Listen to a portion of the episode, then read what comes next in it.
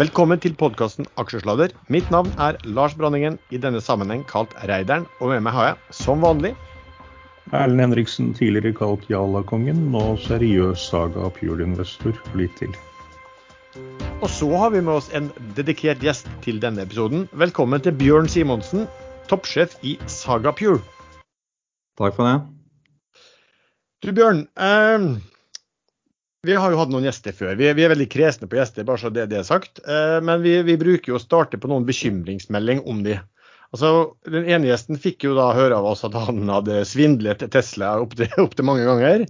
Eh, en annen som hadde en skarren R, fikk høre at han ikke kunne gå på ski. Eh, og en beskyldte vi vel for at moren forsøkte å gi ham bort allerede mens han var på eh, fødestuen. Eh, og så var det deg da, Bjørn. Eh, altså, det vi har hørt fra alltid gode rykter, er at, at, du ble satt ut i skogen med beskjed om at du ikke fikk komme hjem før du hadde gått Norge på langs. Er det riktig? Det stemmer, ja.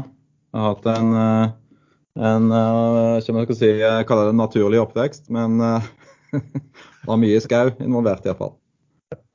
Og når du hadde vært lydig og gått, og gått hele Norge på langs, så fikk du, fikk du beskjed om å gå tilbake igjen også, hva du sa? Jeg har jo alltid vært veldig påpasselig med, med fjellvettreglene, så, så, ingen skam å snu, den, den, har jeg vært ganske, ganske tro mot. Ja. Men kan, kan, ikke du bare fortelle, for du har, du har også vært ute og gått en, gått en kjempetur. Hva, hva, hva, var det dere gjorde? Vi var ute 400 dager ca. på tur. Eh, gikk Norge på langs. Um, det begynner å bli en del år siden, så, så det, det, det er jo Eh, grenser for hvor lenge han kan leve på sånne bragder. Men jeg og en av brødrene mine eh, tok den turen for noen år siden. Eh, litt inspirert av Lars Monsen, som vi for øvrig òg traff underveis. Eh, og på den tida når vi skulle gå Norge på langs, så var det allerede en del som hadde gått den turen. Eh, så under planleggingen da, så dukka det plutselig opp en idé som jeg syntes var litt for spennende til bare å la ligge, og det var å ta returen. Da ble det litt spennende, spennende opplegg, og, og vi fikk litt flere sponsorer òg med på laget. Men når du sier på, på, langs, er det fra vest til øst, eller er det fra sør til nord? Fra nord til sør, og så nord igjen. Såpass, ja. Hm. Men, du, men det, du, dere lagde bok av den, eh, den, turen også? Ja, det ble det. Ble det. Vi traff på Lars Monsen oppe i, oppe i, Finnmark, og han er jo både uh, turentusiast og, og, forretningsmann. Så han var ikke snauere enn at han eh, sa til oss at vi måtte, vi måtte sende manus til han først, hvis det ble bok av dette. Det gjorde vi jo da, og det falt i smak, så da ble det bok. Eh, først på norsk. Og så hadde vi en liten sånn eh, en snartur innom Finland. Og, og vi harselerte jo litt med Finland i boka vår. Og er det noe finnene elsker, så er det å bli harselert med. Så, så, så endte boka ut på, på finsk òg i tillegg, da. For den boka heter, hvis jeg så riktig, så heter den 'Opplevelse villmark. Norge på langs og tilbake igjen'. Var det så? Det stemmer. Ja. Men Brukes det nå av MDG som håndbok på hvordan det skal komme seg på landsmøtet til Kirkenes, eller var det de hadde det sist? Hvis vi bruker den for, eh, for håndbok til det, så, så, da står det veldig bra til med de andre partiene iallfall. For, for det var ikke noe sånn det, det, var ikke å gå raskest mulig som var, som var formålet vårt iallfall. Men du, han, eh, Spetalen han har vel hatt, han hadde en historie med han har sendt ut bøker eh, som han har likt som, som, julegave til gode venner. Så han kan vel da kan vel ut, sende ut din bok, han eh, da? Veldig godt forslag. Du, ja, vi har alltid en disclaimer, Erlend. Den kan jo du. Ja, dere må gjerne høre på hva vi sier, men hvis dere gjør som vi sier, så må dere ta blamen helt selv hvis det går galt. Vi gir ingen råd. Dersom du hører på hva vi sier her om markedet, aksjer, enkeltaksjer og livet for øvrig, er ansvaret helt og holdent ditt eget. Det kan forekomme feil i det vi sier i programmet, og panelet og panelets gjester kan være lang, kort, direkte eller indirekte eksponert i aksjer, selskaper og produkter som omtales. Det var jo akkurat det samme jeg sa. Ja, på en litt mindre juridisk korrekt måte som vanlig. OK, Bjørn. Eh, la oss litt høre fra, fra starten av. Eh, hva, hva er liksom utdannelsesbakgrunnen din? Jeg har uh, utdannet meg som uh, sivilingeniør. Uh, jeg uh, gikk uh, en linje som heter energi og miljø i Trondheim. Det er jo mange som har lyst til å redde verden og syns teknologi er spennende, så går den linja. Og de fleste finner jo ut til sin forskrekkelse at det, det innebærer fryktelig mye matte, fysikk, kjemi, termodynamikk og, og masse annet. Hm. Men det, så var ikke det du var sterkest i da du begynte der? det, mitt, mitt, sterkeste kort når jeg begynte der, var nok entusiasme. Litt som en del andre. Eh, og, og, litt den, den motivasjonen på, på, på, natur og, og, teknologi. Men jeg klarte jo å komme meg gjennom. Det eneste faget jeg strøyk i eh, og, og, måtte konta to ganger, det var programmering. Så, så det fant jeg ut at det, der hadde jeg verken entusiasme eller evner, så, så da, ble det heller i retningen av energi og, og hydrogen etter hvert. Ja. Men fordi at Hydrogen har jo kommet veldig ordentlig, årene, men, men det her er jo da, nå er du en eh, relativt ung mann fortsatt. Men du, hvis jeg leste riktig, så, så skrev du eh, hovedoppgave innenfor, innenfor, hydrogen, er det riktig? Det er helt riktig. Så jeg hadde, hadde hydrogen i tankene når jeg begynte på NTNU i 2002, var vel det.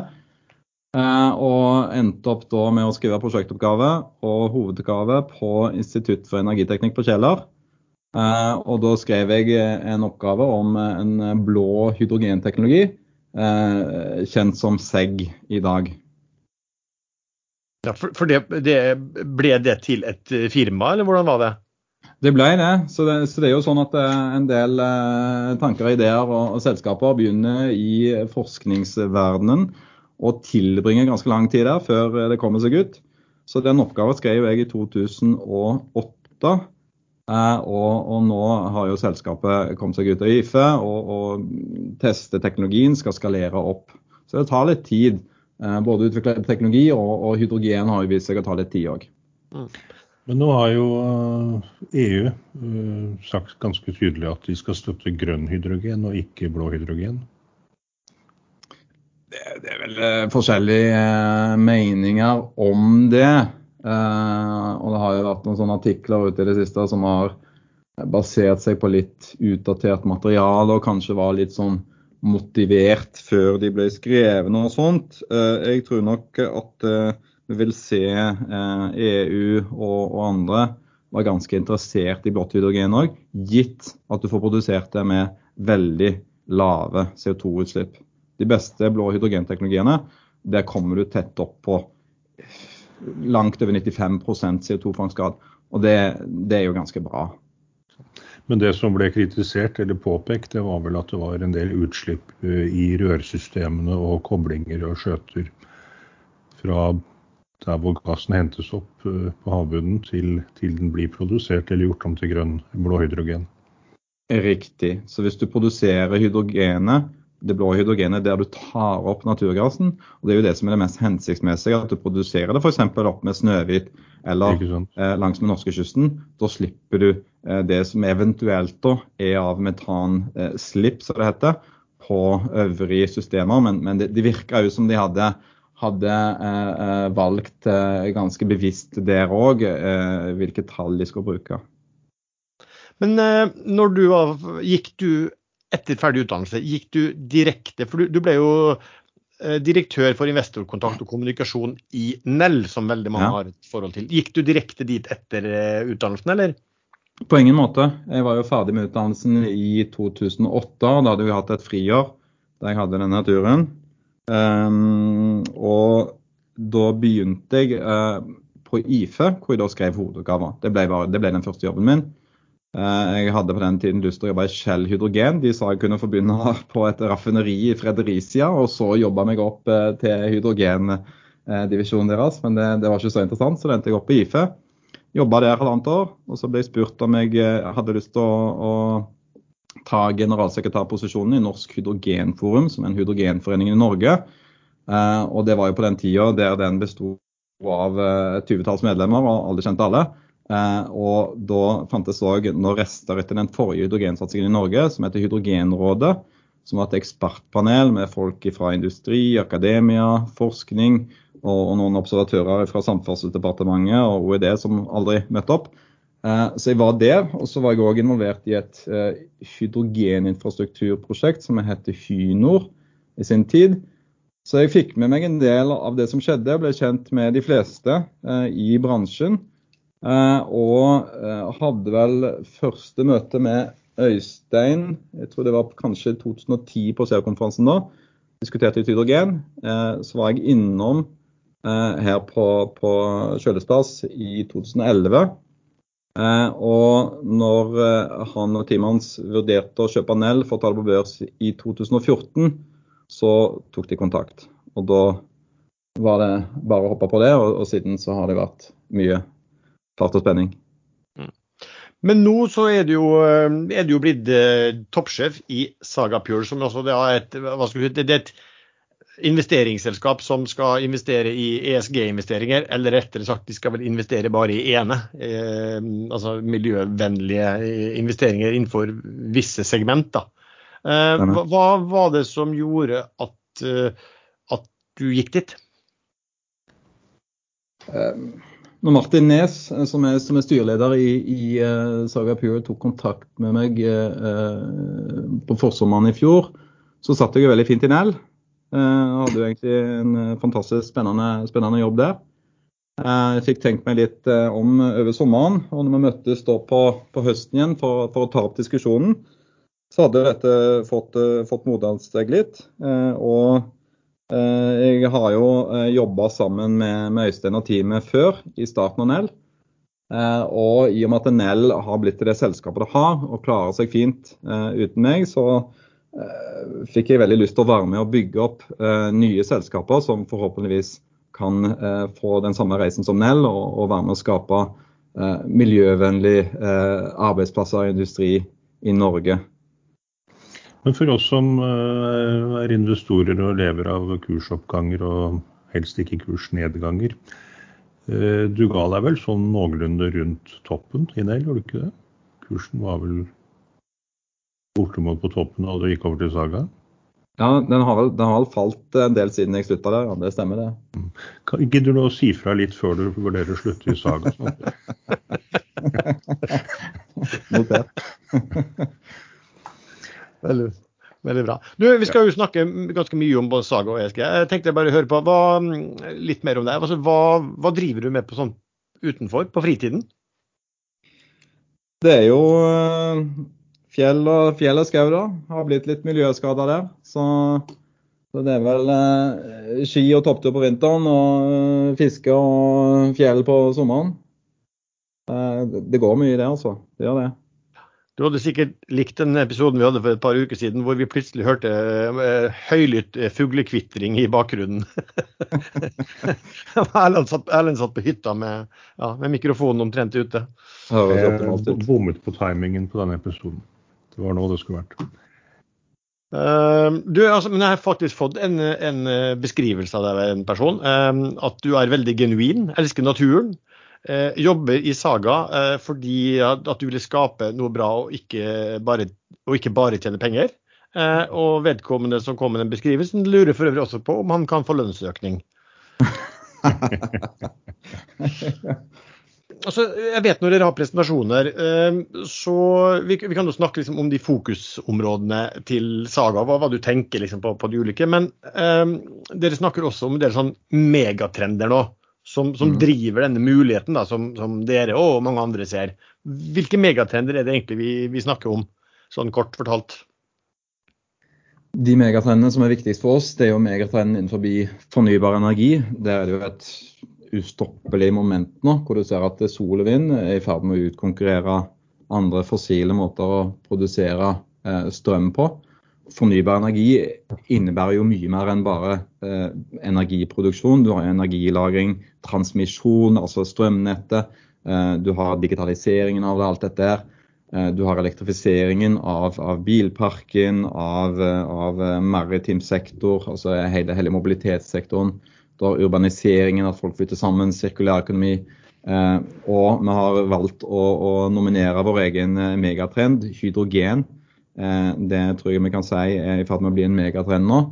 Og så har, han jo òg sett nylig at det, det er mye, eh, mye, penger som går inn i den sektoren her nå, og, og som kanaliseres gjennom eh, en del direktiver og revisjoner av lovsystemene, sånn som en nå ser skjer i EU med IPSEI og, og Fit for 55 og taksonomi og alt dette her. Så alle disse megatrendene de eh, følger vi med på og, og syns, eh, syns er veldig bra. For det gjør jo vår jobb mer spennende, flere muligheter dukker opp. Men samtidig så, så er det jo da en utfordring å navigere disse områdene. Og det er jo der vi er veldig bevisste på selve teamet som, som Saga består av. At vi eh, sikrer at vi har ordentlig dyktige industrieksperter innenfor disse områdene hvor vi skal investere. Det gjør at vi kan eh, forstå mye bedre eh, forskjellen på det som kanskje er et selskap med høyt potensial og det som er et med lavt potensial. Det tillater oss å gå inn tidligere enn det vi ellers kunne gjort. Og det tillater oss òg å jobbe aktivt med å utvikle selskapene. Og det er klart Med finanskompetansen som vi har her gjennom, gjennom Øystein og, teamet hans, så ser vi på det som en veld, veldig god kombinasjon for, for å klare å, å ikke gå på altfor mange miner. Du, Bjørn, det du sier her, det er, det er, jo veldig bull. Du er veldig bull til ditt eget selskap og framtiden. Jeg lurer på om noen har hacket telefonen din, for akkurat nå mens du snakker, så gikk kursen opp fra 298 til 303. Sannsynligvis. Kanskje vi skru den av. Men skal vi snakke litt, litt, snakke litt om disse fokusområdene, da? Eh, litt hva dere tenker i området. Så vet jeg at veldig mange er interessert i liksom, hvilke områder innenfor det er det som er spesielt interessante. Og, og, og en ting er hva dere sier, hva er det man bør, se etter av på oppside og, og, nedside. Så kanskje vi skal starte da med, å, med, med liksom hva, hva, dere tror om hydrogen, da. Mm. Ja, hydrogen eh, det har jeg jo nevnt noen ganger, det, det, er, jo, det er jo favorittområdet mitt iallfall. Eh, og så har vi jo andre selskaper som har sine favorittområder. Men det hydrogen har jo et helt hinsides potensial. Eh, det vi vet, hvis vi ser på den bruk av olje og gass, det tar slutt. Og så er det forskjellige meninger om når det tar slutt.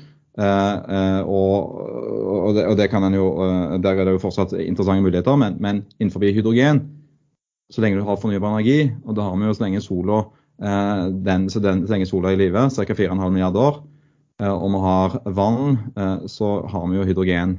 Så vi har jo på en måte en slags evigvarende eh, nullutslippsdrivstoff eh, i hydrogen.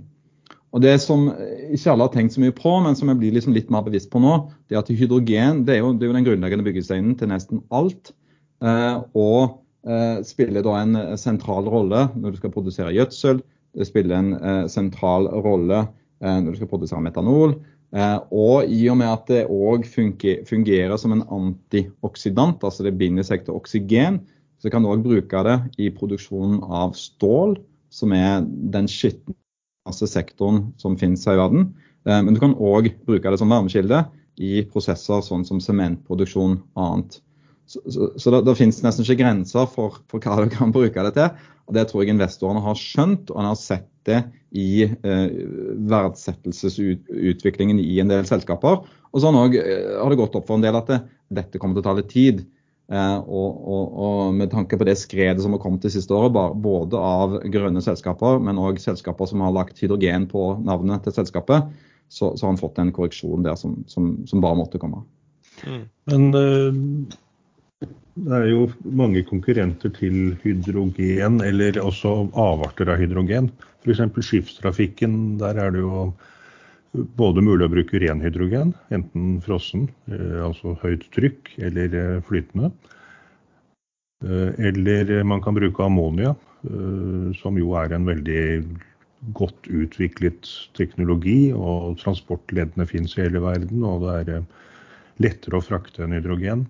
Men, men, det er jo hydrogen òg. Ammonia er jo en sant, Det er hydrogen, men uh, hva tror du selv? Er det ammonia eller hydrogen, ren hydrogen, som kommer til å bli, uh, bli det største på skipstransport? Jeg så Shell i fjor høst hadde en, uh, en, gjennomgang av forskjellige muligheter, og de var klare på at hydrogen var bedre enn ammonia, fordi det var mindre risiko forbundet med lagring og transport på båtene. Det var begrunnelsen de brukte. Den enkle analysen den er sånn. Eh, der du bruker bensin i dag, der bruker du batteri i framtida. Der du bruker diesel i dag, der bruker du hydrogen. Der du bruker bunkersolje, der bruker du ammoniakk. Der har du, der har du liksom eh, veldig overordna. Og for, for jeg som syns hydrogenet er utrolig spennende, så er det vinn-vinn uansett. Eh, om du ender opp med eh, majoriteten ammoniakk eller flytende hydrogen i, i skipstransporten. Så jeg tror langdistanse, altså når du da tenker containerskip, den type ting, der tror jeg en vil gå på ammoniakk. Mens eh, litt kortere distanser, svære skip, da har du flytende hydrogen. Og nærskipsfart, eh, ferjer, arbeidsbåter, den type ting, der har du trykksatt hydrogen, og så har du selvfølgelig batteri som er i alle disse båtene. Noen ganger skal du ha hele drivstofftanken da, som, som, batteri. Men, men det, der har du en sånn eh, one, one big happy family med, med, forskjellige typer derivater av hydrogen. Hvor for så vidt òg eh, grønn metanol er på en måte slags derivat av hydrogen. Det kan du lage av eh, fornybar hydrogen og eh, CO2. Eh, og alle disse her Eh, eh, type hydrogenenergibærende kan du òg selvfølgelig produsere for naturgass med karbonfangst. Mm. Men øh, det er vel, det, altså, her er det vel snakk om dette, dette nye områder. Hvordan, liksom, hvordan, er økosystemet bygd opp per i dag rundt, rundt den type bruk? Hydrogen har jo blitt brukt som en industriell ingrediens i i hvert fall 100 år, sikkert 150-200 år. Så, så, det å håndtere hydrogen i, i, stor kvanta, det er ikke noe nytt. Det har en gjort lenge. Eh, forskjellen nå er jo at en tar det ut av industriområdene eh, og eh, inn på, på, tanken på en bil, eh, buss, båt etc. Så det er det jo en hel verdikjede som skal bygges opp. Eh, og i og med at det finnes forskjellig Eh, type behov der ute, eh, som vi har vært innpå med, med tanke på om det er en, en liten båt eller et containerskip, så er det òg en, en, viss infrastruktur knyttet opp mot det som må bygge seg opp. Og Et eksempel der for, vår egen del er at vi har investert både i et selskap som utvikler en ny type lagringstank for flytende hydrogen. Uh, ICT heter de, IC Technology. Uh, og vi investerte nylig òg i et, eh, et, selskap som utvikler bunkringsløsninger, altså fyllestasjoner for hydrogen til eh, maritim sektor. Det, det er som deler av verdikjeden som enten ikke er bygd ut, eller som har stort forbedringspotensial, for å si det sånn. Og Det er jo det vi ser etter. Vi ser etter områder innenfor disse, disse megatrendene som vi ser komme, hvor du ikke har eh, fulgt godt nok med i en periode. Eh, hvor det da åpner seg opp muligheter for, for, selskaper som har spennende løsninger. Det siste du nevnte, det er vel Hyon, som skal lage. Men dere har også vært eh, storaksjonær i Everfuel. Der er ja. det vel, dere er vel ute nå, ikke sant? Det stemmer. Men dere var der fra, fra var, var, en, var, en, stor aktør i, de, i IPO-en der? Helt klart. Eh, fantastisk selskap. Og de òg de blir jo som en Steven Retail-aktør, som, som, i tillegg tar på seg hydrogenproduksjon og distribusjon. Så det er en sånn fullintegrert eh, spiller. Og han eh, grunnleggeren av Everfuel, Jakob Krogsgaard, har jeg jo kjent eh, i sikkert 15 år. Eh, og han var jo òg sjefen for, for Hotologic. Så, så, når vi skulle kjøpe Hotologic back in the day, så var det bare å ta opp telefonen, og så flydde vi ned uka etterpå, og så, og så, var det på plass. Så han, han kjenner jeg eh, veldig godt. Utrolig flink, fått med seg et bra team. Eh, som jeg syns eh, det, det, de eh, står for, og det de kan få til, er veldig spennende. Så vi deltok eh, ordentlig i, i IPO-en, og, og i, en, i, en, emisjon senere. Eh, og, og den aksjen gikk jo noe voldsomt. Eh, og vi beslutta da at vi her tar vi profitt. Her har den gått eh, veldig veldig mye. Vi syns fortsatt det er et spennende selskap, men prisingen eh, gikk litt over stokk og stein. Var den på vei opp igjen, så jeg.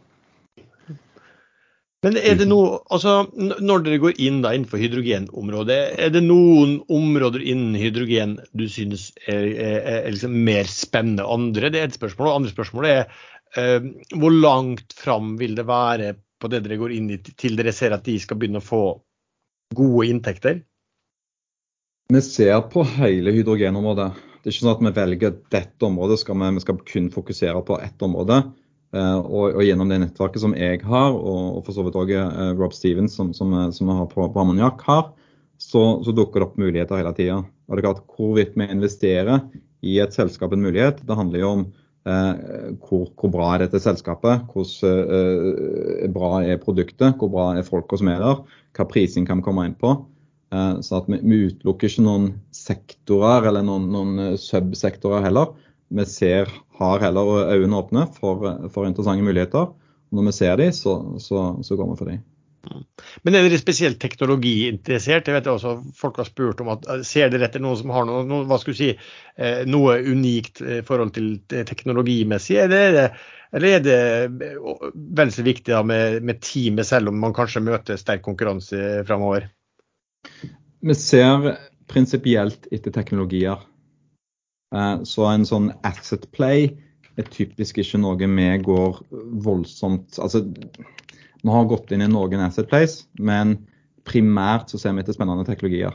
Men eh, som, som, eh, som, dere vet, altså teamet i et selskap det er, det er nesten like viktig som eh, teknologien som sådan. Og Det er derfor vi så, så at Everfuel, det skal vi inn. Og Det samme gjelder f.eks. Horisont Energi. Eh, de, de, befinner seg litt mellom eh, en Asset Play og et teknologiselskap. Det er også som at her er det ordentlig bra folk. Disse vet hva de driver på med. Her ønsker vi å ta en ticket. Eh, men primært sett så ser vi mest på teknologier, og spesielt teknologier hvor vi òg kan være med aktivt og utvikle selskapsteknologien videre. Og det, og det er mye kjekkere òg å, å, være med og utvikle ting enn, enn å sitte i baksetet og, og det andre styret. Men Horizon det, det, er jo litt sånn oppdelt selskap. De driver med både ammoniaproduksjon og carbon storage. Blir ikke det veldig forskjellige segmenter for samme selskap? Ja, det er jo relatert her. Sant? for at Det første prosjektet deres er jo oppe i, oppe i Finnmark med, med, med Snøhvit. Og Der skal det jo produseres eh, blå ammoniakk, og da må de håndtere CO2-en. Eh, og, og, selskapet har en løsning eh, som de har sjøl for å håndtere, deponere den, den CO2-en. og Derfor er jo det en ekstra styrke for, for det selskapet, og det, og det syns vi er interessant. og Det, klart, det har det jo blitt litt sånn òg, når du ser CO2-prisen som har dobla seg de siste året, og er vel seks ganger så høy som den var i 2018 jeg hadde aldri trodd at det skulle bli sånn bra business av CO2. Eh, CO2-håndtering, CO2-fangst. Men nå ser det ut til at politikken har klart å, å, å rigge ting på, på, en sånn måte at eh, plutselig så, så er det en, en spennende, eh, spennende forretningsområde òg. Mm. Ligger de det selskapet som, er det innenfor, Vil du si at det ligger innenfor hydrogenområdet, eller? Ja, det, det, gjør jo det. Sant? Fordi For å lage den ammoniakken deres, så må de produsere hydrogen først. Um, og, og i, i, Horisont Energi så sitter jo han uh, Rob Stevens uh, fra oss. Han har jo jobba over 20 år med ammoniakk og med innovative, uh, grønne, rene ammoniakkløsninger. Så han sitter i styret der og er med og, og jobber aktivt med, med, med selskapet for å, for å ja, sørge for at det lykkes ordentlig. Det er jo forstått riktig at dere bruker gass som ellers ville vært strandet og måtte injiseres tilbake i formasjonen. At dere da nyttiggjør den gassen? Det er nok ganske mange meninger om eh, hvordan, det står til med gassen der i nord. Eh, men eh, det er klart når en skal elektrifisere Melkøya, så blir det jo litt, litt mer gass tilgjengelig. Og så har det jo samlet seg opp litt gass der oppe òg, sånn at det, du har du har muligheter til å produsere en del ammoniakk. Eh, og det er klart, eh, I og med det, det, med blå hydrogen, at det er best å deponere CO2-en der du tar opp gassen, så er jo det òg et interessant aspekt med, eh, med Melkøya og, og Snøhvita.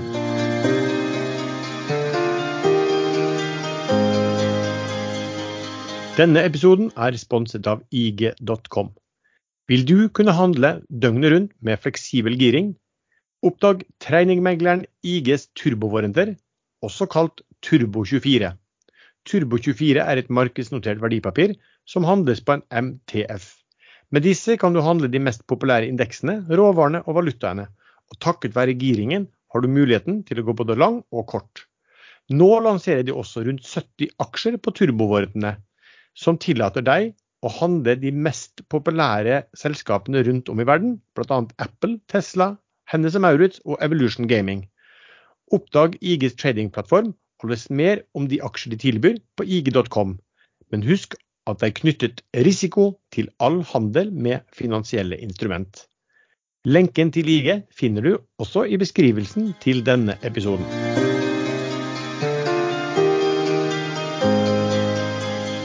Men sånn fornybar, hvis vi går på, på fornybar energi ellers, og du, du snakker jo også om, om lagring. Altså, hva, hva, har dere gjort noen ting i, innenfor eh, fornybart ellers? Altså eh, noen ting innenfor sol eller vind, eller er det noen ting man, dere vurderer? Vi har eh, vurdert eh, noen selskaper som, som eh, både innenfor sol og vind Eh, det har vi ikke funnet noen som hvor vi kunne sjekke av alle punktene på. Eh, det vi har investert i i det området der, er jo i et selskap som utvikler en løsning for å digitalisere strømnettet. Det er jo verdens største menneskeskapte maskin, det er noen som refererer til det sånn. Og, strømnettet er jo på en måte litt sånn kjedelig, litt sånn usexy. Eh, og, der har det skjedd fryktelig mye eh, de siste 10-20-30-40 åra. Eh, og det er jo sånn at Nettselskapene de, de vet ikke alltid hva vei strømmen går, eller om de kan sende mer strøm gjennom strømlinjene, eller om de bør sende mindre strøm gjennom strømlinjene. Det som skjer etter det at du, Her i Norge så får du jo snø som legger seg på disse strømkablene. og Du må dra opp og liksom slå ned den snøen med, med pinner og greier. Eh, og i California så har de jo hatt problemer med at disse strømledningene blir for varme. Og klart Blir de varme, så, så utvider jo metallet seg. De linjene da siger ned mot noen fine grantrær, og, og, da tar det fyr. Så det er klart at det, det å få en, en oversikt på eh, tilstanden i, i, strømnettet, det er viktig både for eh, å kunne dytte mer fornybar energi gjennom det. Det er jo fryktelig dyrt å bygge nett, så du kan få utnytte den kapasiteten bedre. Men du får òg en innsikt som gjør at du kan drifte nettet mye mer sikkert òg. Så, så, dette selskapet Heimdal Power uh, det har jo da utvikla en, en, um, en, type teknologi som består av noen kuler, neuroner kalles det for, som settes direkte på strømlinja. Som da sender masse data til en sentral som, som da kan analysere dette og gi den innsikten. Og Der har vi òg en i, i Saga-teamet, Jørgen Festival, som sitter i styret og jobber aktivt med selskapet for å hjelpe de framover. Men vil denne løsningen potensielt hjelpe så man ikke trenger å investere så ekstremt mye i den norske griden, eh, i høyspentledningene? Med, med den planlagte økningen i elforbruket til elbiler og alt annet, så det er jo kjent lenge at det norske elsystemet er gammelt. En vil iallfall kunne utsette en del investeringer. Og du, og, du, gjør strømnettet smartere. Nå snakker vi om smarte strømmålere og alt det, men nå kan du òg gjøre selve strømnettet eh, smartere, mer digitalt. Du får en innsikt som du ikke har hatt før. Og, og det er jo et, eh, jeg vil tro et veldig godt verktøy for nettselskapene og andre for å Eh, se eh, hvor, For å få en innsikt i, i hva, hva, de kan sende gjennom dette strømnettet, og spesielt om du skal sette opp vindanlegg, sol og batterier, elbillading som du er inne på. Så, så, jeg tror nok dette her vil være et særdeles viktig verktøy for de fleste strømnettene framover. Så det var det, det vi liker med det selskapet. Så I USA med den siste tiltakspakken skal det brukes 65 milliarder dollar på å oppgradere griden. Eh, har Norge noen tilsvarende planer om å bruke mye på dette nå, eller er det småoppdrag til f.eks. da Heimdal Power som kommer? Vi snakker om milliarder, men uh, kanskje ikke så mange milliarder dollar. Men uh, det, det, det, er store, enorme investeringer i strømnettet. Det skjer over, over hele verden. Klart I Norge så har vi vært heldige og hatt et veldig godt, solid strømnett uansett. Uh, så, sånn at det, vi er bedre stilte, men det er klart det er enorme summer som skal investeres i den infrastrukturen nå. Og det er klart Dess mer fornybar vi får inn, dess mer variabel kraft, ja, dess, dess større kapasitet må vi ha på strømnettet for, for, å håndtere dette. her. Men Heimdal, det har vi fått inn spørsmål. Jeg skulle ta en masse spørsmål etterpå. vi har fått inn, Men dette spørsmålet er Heimdal Power. Eh, når skal det på børs? var spørsmålet.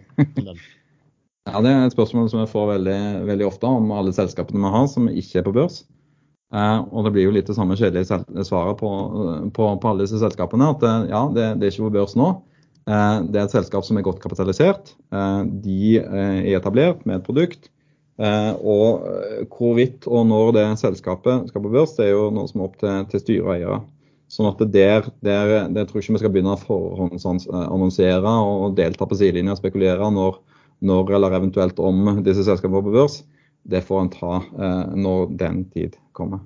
Ja, og ei, Det var vel et selskap som, som, var godt i gang, som hadde en god verdi, god prising fra før. sånn at Det dere er inne med der, er vel ikke er det, er det en 15 av selskapet eller sånt som dere eier der, er det riktig?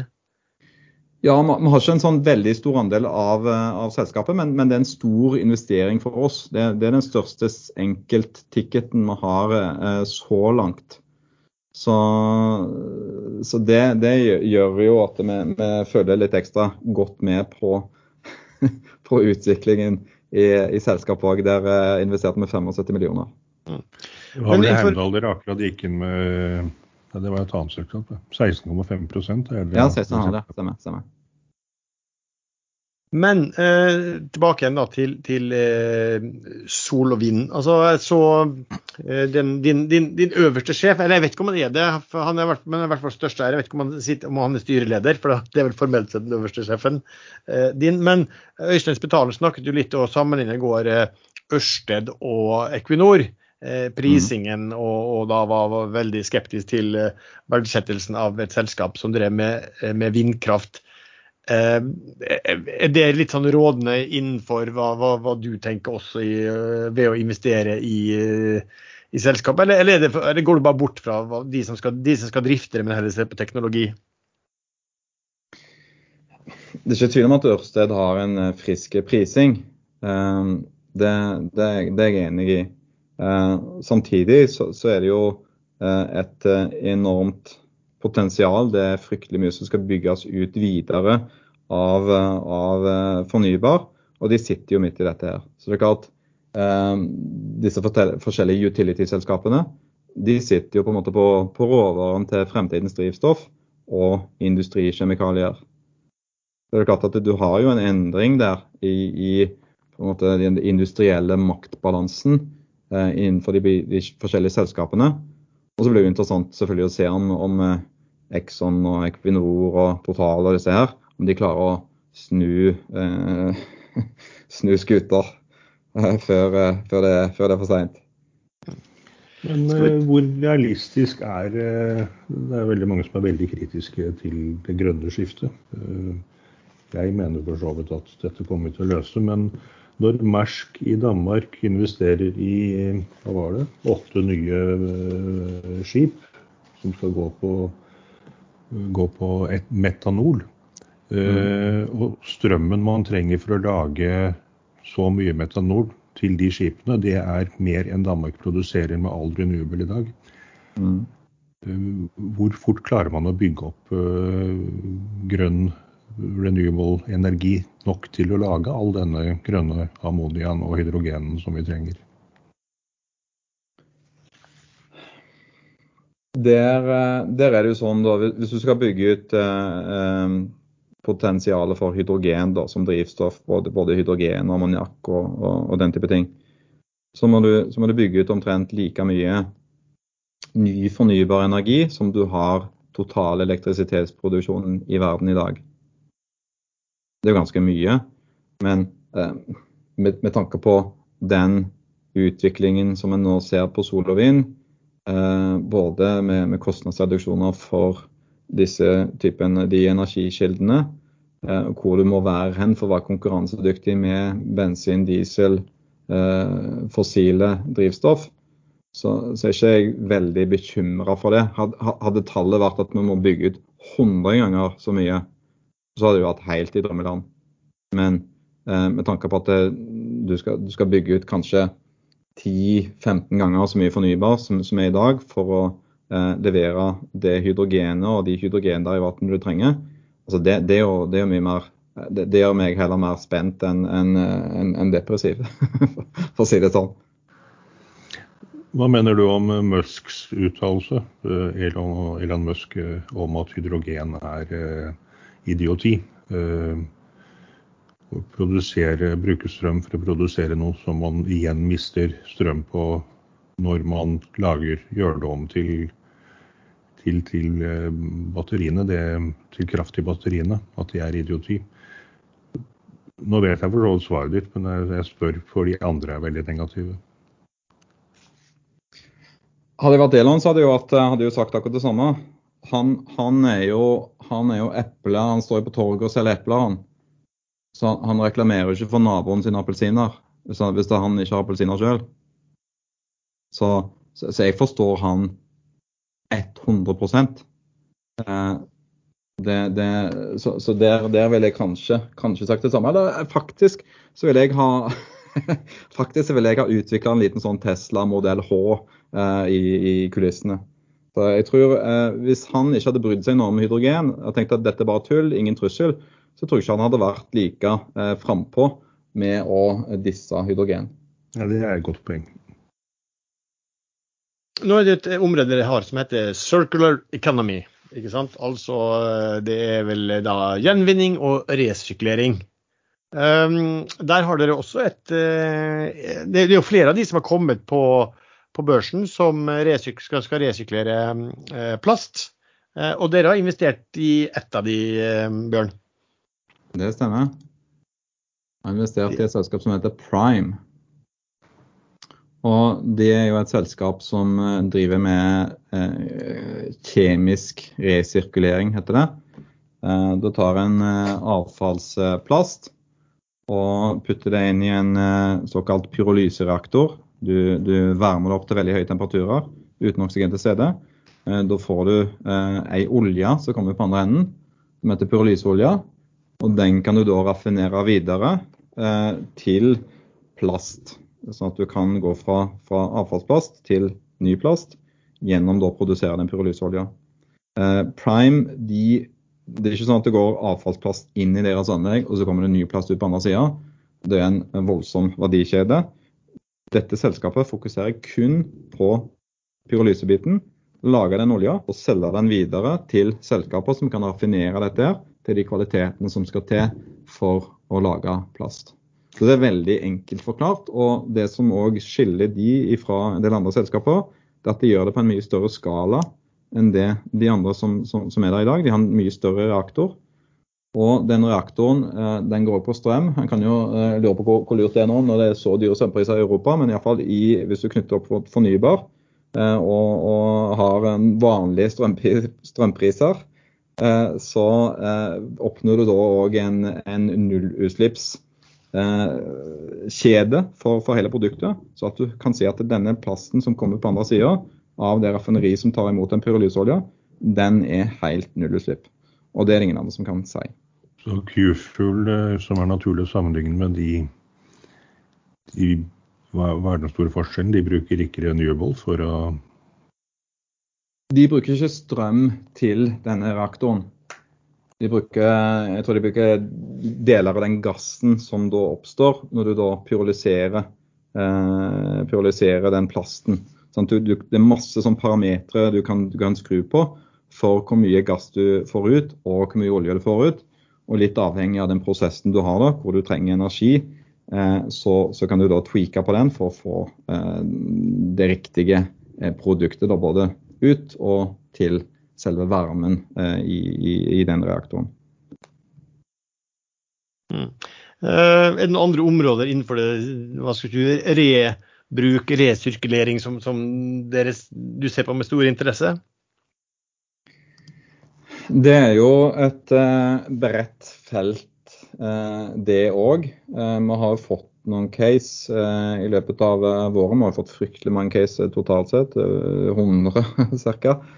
Eh, men innenfor sirkulær så, så, er det nok den plastbiten vi har eh, funnet mest eh, spennende nå i det siste. Og spesielt med tanke på at det her kommer det en del avgifter og system i EU òg som, som, gjør at det er mer attraktivt å, å, å drive den prosessen.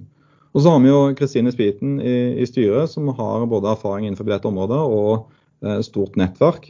Så der eh, hender det det dukker opp noen, noen muligheter via, via henne òg, som, som, vi da ser nærmere på. Så, men, men, det er litt det samme approach som vi har på de andre områdene. At det, med, med, det er ikke en sånn spesifikk subsektor som vi virkelig graver oss ned i. Vi åpner for gode muligheter og prøver ikke å bruke for mye tid på screening og, og liksom kvalifisering eller diskvalifisering. Eh, så det, det, er ikke mange møtene som skal til før, før det havner, havner, i graveyarden, for å si det sånn. Mm. Du, mens vi snakket, vi snakket opptatt av aksjekurser, så gikk eh, Du snakket jo akkurat om, om Horizont Energy. Eh, den ble akkurat børsstanset nå pga. sterk oppgang, så Nei. ja, se det, nå, har jeg, nå har jeg faktisk skrudd av mobilen, altså, så, så nå er det ikke den lenger. Horizont Energy den er oppe 18% nå, da den børs, børsstoppet, eller en circuit break, tenker jeg, som er mm. en liten periode. Og så har vi da CO2-området. Som, jeg vet at du har uttalt deg eh, at du har ikke noe tro på men det er kanskje noe gammelt da, at du hadde da ikke noe tro på regjering, regjeringens satsing på karbonfangst og -lagring. Eh, hva er det riktig, og hva er det du har tro på da innen CO2? Fangst. Det er viktig at jeg har sagt det, og det blir jo litt som å, som å løse denne eh, hestemøkkproblemet i London på 1800-tallet med å sette bleier på hestene. At jeg har mye mer tro på eh, løsningene, altså det som kommer etterpå, og løsninger hvor du kan nyttiggjøre deg av CO2-et, enn å behandle det som søppel. Eh, og så har jo det skjedd nå, at CO2-prisen har eh, gått seks ganger de siste to-tre åra. Og det gjør jo at det her blir det plutselig et marked som selvfølgelig òg en kan si er litt sånn kunstig stimulert. Eh, men eh, vi ikke ringer at vi eh, ser med muligheter, så, så går vi for de òg. Men, og, og, du kan si ene CO2-bettet vårt, det er jo eh, Horisont. De har jo en teknologi, og, og, det er jo masse folk som er interesserte, masse selskaper som er interesserte i å bruke deres løsning for å eh, deponere CO2 fra sine prosesser. Så De annonserte jo en sånn no name-annonsering eh, i sommer, eh, som var basert på den interessen som de har fått der ute. Eh, det andre CO2-bettet eh, vårt for å si det sånn da, det er jo Bergen Carbon Solutions. Og De har jo virkelig en, en, eh, en type approach til CO2 som jeg mener er helt fantastisk. Altså Der tar du et avfallsstoff du konverterer det til et supermateriale som du får grisegodt betalt for. Men, så, så den, den, den, er, den, er, spot on. I presentasjonen som jeg sitter med her nå, Bergen Carbon Solution, så står det at dere skal produsere nanofibre fra CO2. og Det høres så fint ut. Og så er det bilde av en svart klump som ser ut som litt sånn plastikk, asfaltlignende greier. Men hva skal det brukes til? Det er et materiale som bare har blitt brukt ca. ti år. Så det, det, er veldig nytt eh, med tanke på hvor, hvor det brukes. Eh, og som navnet tilsier, det er et, et, supermateriale, så det kan brukes innenfor en rekke forskjellige eh, sektorer. Eh, og det kan brukes til å gjøre eh, f.eks. karbonfiber sterkere. Det kan brukes til å gjøre gummi mer motstandsdyktig mot stress. Du kan bruke det til å gjøre materialer mer ledende, både strømledende, men òg varmeledende. Du kan si det, det er som en slags eh, superkrydder som eh, får alt til å, å bli bedre. Eh, og det er allerede etablert marked i dag. Og, og, og der har jo eh, Bergen Carbon Solutions eh, oppdaga en ny måte å produsere dette på som da gjør at de kan produsere det til en tredjedel av den energien som brukes på, eh, på den konvensjonelle måten, og med null utslipp. Hva slags eh, Du sa det er strømledende. Kan man da f.eks. legge dette i inngangen, innkjøringen til garasjen sin og smelte snøen om vinteren? det kan Eller er det voldsomt dyrt? Det blir nok litt dyrt. Det, det, de har jo pris på sånn 5000 25 000 per, kilo på dette eh, materialet. Men det som er interessant, et eksempel da, der er det noen japanske forskere som har sett på eh, muligheten for å blande inn karbonnanofiber i aluminium, og potensielt sett gjøre aluminium like strømledende som kobber. Eh, både aluminium og kobber har jo gått over stokk og stein på pris, men kobber er jo ca. fire ganger så dyrt som aluminium. Så klarer du å få til dette her, og ikke bruke altfor mye av dette eh, pulveret, så har du en veldig, veldig interessant eh, mulighet og, og, stort marked.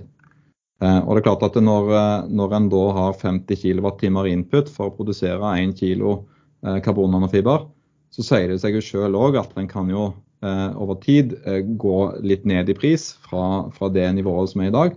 Og da åpner det seg jo eh, enda større muligheter. Men det er klart Selskapet nå skal jo først nå skalere opp den, den testenheten de har. De skal bygge noen, noen større enheter som skal stå litt forskjellige plasser i Norge, bl.a. oppe i Mosjøen. De er i dialog med, med Technology Center Mongstad. De eh, signerte jo en, liten, en eh, samarbeidsavtale med Yara for å se på noen muligheter der òg. Så vi skal få opp disse her nå. Eh, og så får vi, får vi, Det er jo da vi virkelig får se hvor, hvor, stort og bra dette her blir. Men Bergen Carb Solution der investerte dere 75 millioner for ikke så veldig lenge siden. Dere realiserte 60 millioner, så da var dere nede i 15 millioner investert. Og så løste dere inn opsjoner på 6 kroner aksjen, selv om kursen lå på rundt 30-40. Eh, hvor mange millioner var det dere da investerte på de opsjonene?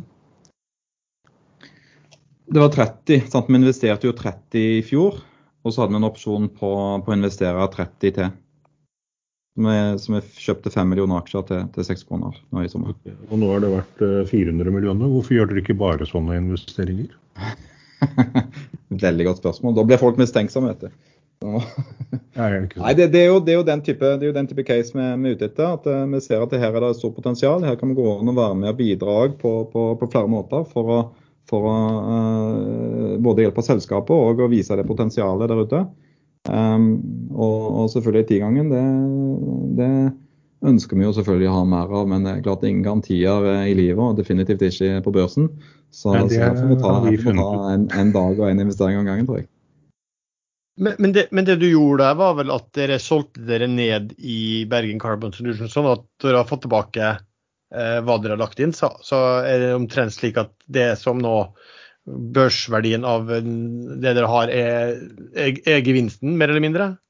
Ja, minus 15 millioner. Ja. For der var det jo en, en, en sak om, da det kom spørsmål om også, og jeg må vel innrømme at det skrev jeg litt om i et, et nyhetsbrev som vi har som heter Børsekstra, fordi at folk, eh, media fortalte jo da eh, på morgenen når dere kom med Q2-tallene at dette var et svakt kvartal og fall og alt der. Og jeg måtte vel skrive da at uh, da hadde de vel egentlig ikke skjønt noen ting av regnskapet. fordi at eh, du, gode Bjørn, du hadde skjult en stor gevinst i det regnskapet. Hvordan, hvordan gjorde du det? Det er vel konsekvensen av å følge regnskapsreglene. der er det jo sånn at vi, vi fører konsernregnskap. Og hvis det er et selskap vi eier en relativt stor andel av, har innflytelse på, så må vi føre det som en del, eh, må vi føre det på balansen. Så Det er jo det som er med Bergen Carbon Solutions. Og selv om vi da var eh, under 20% i Q2, så hadde vi den opsjonen liggende. Og da eh, var det mest fornuftig og ordentlig, eh, følte vi, å føre det som et tilknytta selskap. Og da eh, ble jo ikke den eh, børsverdien av selskapet vist i regnskapstallene våre. Så Det var rett og slett en konsekvens at vi, at vi fører regnskap sånn som en bør føre regnskap. Men hvorfor ble det ikke presisert i highlights f.eks. at dette, markedsverdien er sånn og sånn? Eh, godt spørsmål. Eh, kanskje vi skal spandere på oss en liten fotnote neste gang. Men du Bergen Carbon Solution, hvor lang, jeg ser jo at de har inngått en del Eh, intensjonsavtaler. Det var jo også mye snakk om intensjonsavtaler med et, eh, et japansk selskap. Jeg, jeg, tror vel ikke de har blitt navngitt ennå. Men hvor langt er teknologien kommet? Altså, hva, hva, er det som gjenstår før de faktisk kan uh, levere produkter, slags tjenester, som gir de store inntektene? De kan jo levere i dag, men de har relativt liten produksjonskapasitet på, på den, den reaktoren de har nå. Så det er jo det som jeg nevnte, de, de skalerer den opp nå og skal etablere noen, noen produksjon både, både, i Bergen og Mosjøen og, og andre plasser. Da kan de begynne å levere volumer. Men det passer egentlig ganske bra med, med tanke på de LOI-ene det de har òg. For det er jo klart at det, det, tar litt tid for disse selskapene å få testa eh, materialet som, som Bergen Carbon eh, lager og se eh, om det har den kvaliteten de er ute etter. Det finnes jo forskjellige kvaliteter òg av, av karbonnanofiber. Og så må vi da finne ut hvor eh, stor eh, andel eh, av, av karbonnanofiber skal vi ha i vårt produkt eh, før de da setter den, den større bestillingen. Mm. Så der håper vi at det eh, etter hvert kommer noen, noen kjøpsordre òg på, på bakgrunn av de testene som er gjort. Men det er klart før, før disse selskapene har konkludert på, på sin kant og, og, bestemt seg, så, så eh, lever vi jo fortsatt i håpet. Ja. Du, vi, vi, har fått inn masse gode spørsmål fra folk, og det skal vi kaste oss over. Men først skal vi ta et lite tema. Altså, vi tre som bruker å være i panelet, jeg tror vi to eller tre ganger har prøvd å spilt inn eh, og, og, og skulle fortelle litt om EUs taksonomi.